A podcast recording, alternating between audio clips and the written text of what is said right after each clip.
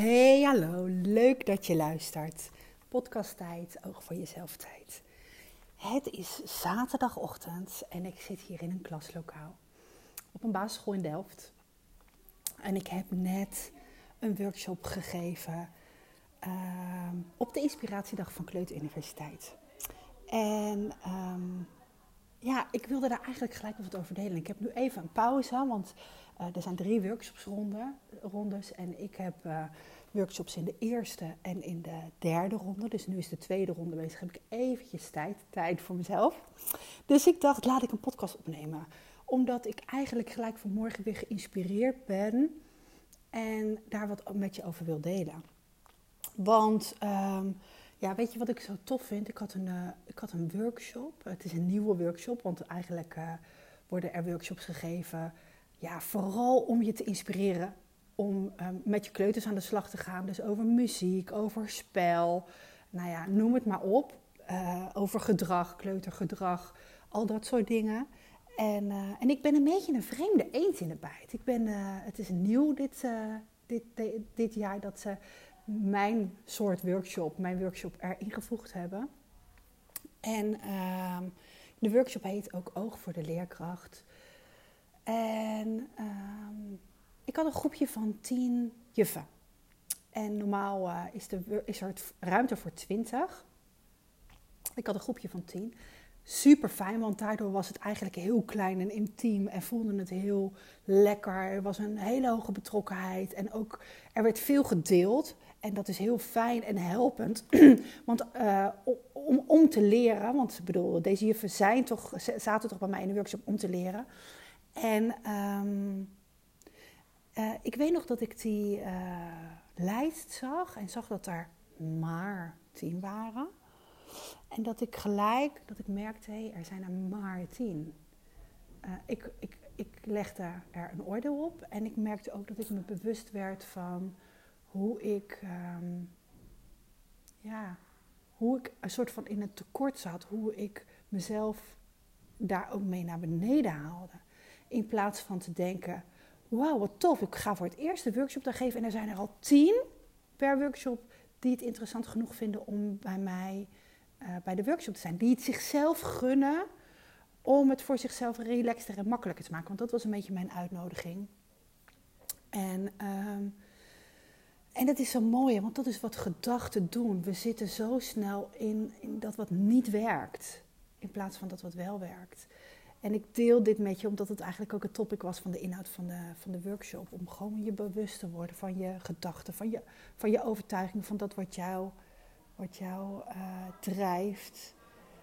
En uh, ja, ik hoop, ze beginnen hier naast allemaal te juichen en zo. Ik hoop dat, het, uh, dat je er niet te veel last van hebt.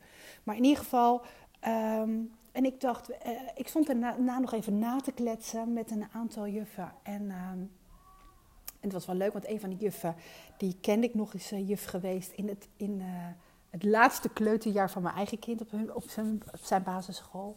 Dus een bekende. En, um, en dat was wel leuk, want, want weet je, we hadden het er zo samen ook over dat het ook zo fijn is dan zo in zo'n groepje om, om herkenning te hebben, om om te weten van, oh ja, ik ben niet alleen. We denken zo vaak dat we alleen zijn in bepaalde gedachten, in, in hoe we de lat hoog leggen, in hoe we het voor anderen eigenlijk goed willen doen, hoe we, het, hoe we alles maar doen, hoe het hoort en misschien zelfs nog wel een beetje beter. En, en zij zat ook te vertellen over haar school, over hoe. Uh, ja, hoe er een hoge drive is eigenlijk om te ontwikkelen en vooruit te gaan. En dat is natuurlijk super mooi. Dat is echt een kwaliteit van dat team. Uh, maar dat het ook, ook in haar geval zei zo, ja, bij ons betekent dat ook dat er echt te weinig tijd is voor onszelf. Dat we te weinig stilstaan. Dat iedereen maar doorgaat en verder en meer. Um, en ik geloof er heel erg in. En ik ben, daarom wil ik dit graag bespreekbaar maken. En ik ben wel benieuwd hoe jij erover denkt dat dit ten koste gaat van het onderwijs als het niet en en kan. Want ja, er is niks mis met gedrevenheid en er is niks mis met, met het beste willen en je als school ontwikkelen. En je mag daarbij uh, in die processen uh, voor jezelf blijven zorgen en als directeur voor je team blijven zorgen. Dat is ook waarom ik het zo tof vond toen ik van de week op een school was. Excuus. toen ik van de week op een school was, die uh, en in gesprek was met een directeur over wat er misschien mogelijk was, omdat hij, omdat hij apart potjes vrij heeft voor coaching en hij het team gunt om, om zich te laten coachen en om, om uitval te voorkomen, om lekkerder in je vel te zitten, om ja, niet helemaal leeg te lopen op het toffe vak. want met alleen enthousiasme red je het niet. En die directeur die vertelde dat hij zelf ook gecoacht wordt en dat hij dat ook deelt aan zijn team. Dat hij zegt van weet je, ik word er een leuker en beter mens van als ik mezelf laat coachen, als ik vraagstukken, als ik met deel, als ik, als ik met mijn coach deel waar ik tegenaan loop en als ik dan als een spiegel van hem of haar terugkrijg wat ik daarin anders kan doen, zodat het voor me fijner wordt. En ik merk dat, en ik, ik, ik word er heel blij van. En ik merk dat ik, ehm, dat ik tegelijkertijd, dat het, dat het me ook aan mijn hart gaat als ik dan daarover een post plaats en een story plaats op Insta. En ik s'avonds met een aantal juffen aan het DM'en ben. Jeetje, uh, die zeggen, geef mij zo'n directeur. Uh, dat er nog zo weinig oog is voor die leerkracht, voor, voor jou als juf, als meester, voor, voor jou als degene die die groep draait. En ja, het is heel belangrijk om onderwijsontwikkelingen om bij te blijven. En ja, het is heel belangrijk om, om een goede voorbereiding te hebben en om veel van de kinderen te weten en om goed contact met ouders te hebben en om fijne samenwerking met collega's te hebben. En het kan echt allemaal alleen maar goed als je daarin ook goed voor jezelf zorgt. En ehm, ja, ik, ik ben nog een beetje zoekende, want ik, wil het, ik zou het wel van de daken willen schreeuwen. En ik, ik ehm, ja, als je deze podcast hoort en enigszins het idee heeft dat je directeur open staat voor een gesprek hierover, laat het me weten. Eh, dan, dan ga ik erover in gesprek met je directeur. Omdat ik denk dat op een vrij makkelijke manier hier al stappen in gemaakt kunnen worden. En uh, er aan jullie behoeftes, jullie behoeftes als leerkracht tegemoet gekomen kan worden. Uh, en ik, ook elke keer wanneer ik leerkracht zeg of juf zeg, weet je, of je nou op het voortgezet onderwijs werkt of het basisonderwijs, maakt eigenlijk allemaal niet uit. Hè? Want het is wat dat betreft allemaal één pot nat qua werkdruk of hoe het gaat. Of hoe we de lat hoog leggen of hoe we, ja, hoe we het lastig voor onszelf maken. Maar ik, ja, waar, ik wil graag, ik wil graag in gesprek. Ik wil graag, ik heb hele simpele handvatten om bij jullie op school uh, mee aan de slag te gaan. En, uh, en ik weet, er is gewoon ook geld voor. Er is, dat hoef je, weet je, natuurlijk mag je, mag je zelf in coaching en, uh, en zo investeren. En je hoeft het niet zelf te doen. Uh, als, als, een, als je een goede directeur hebt of een goed bestuur, dan, dan is jullie welbevinden eigenlijk staat bijna bovenaan. En dat, ik, ik wil echt graag het gesprek daarover aan, om dat nog meer topic te laten zijn. Uh, omdat je je, je kan bij mij bijvoorbeeld al een coachtraject volgen uh, binnen het persoonlijk ontwikkelbudget. Nou ja, dat is iets wat, wat elk jaar vrijkomt, waar jij gebruik, of elke twee jaar gebruik van kan maken. Zo zonde om dat dan niet te doen. Dus ik gun, ik gun elke school.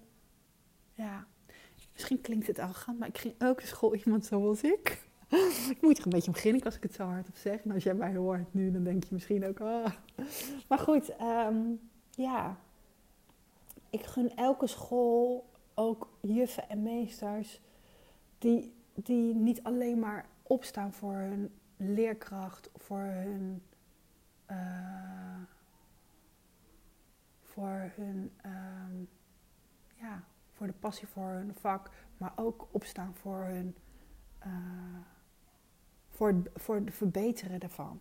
Omdat je als, je, als je voor jezelf leert kiezen, mag kiezen, kan kiezen, zoals deze juffen vandaag gedaan hebben, en zoals ik zo meteen nog een workshop ga geven, dan um, wordt het nog leuker. En dan bied je de kinderen nog meer. Daarvan ben ik echt overtuigd. Oké, ja. Wat was het punt eigenlijk van deze, deze podcast? Nou ja, eigenlijk misschien wel. Oh, in, misschien wil ik het punt vooral wel maken in hoeverre kies jij voor jezelf?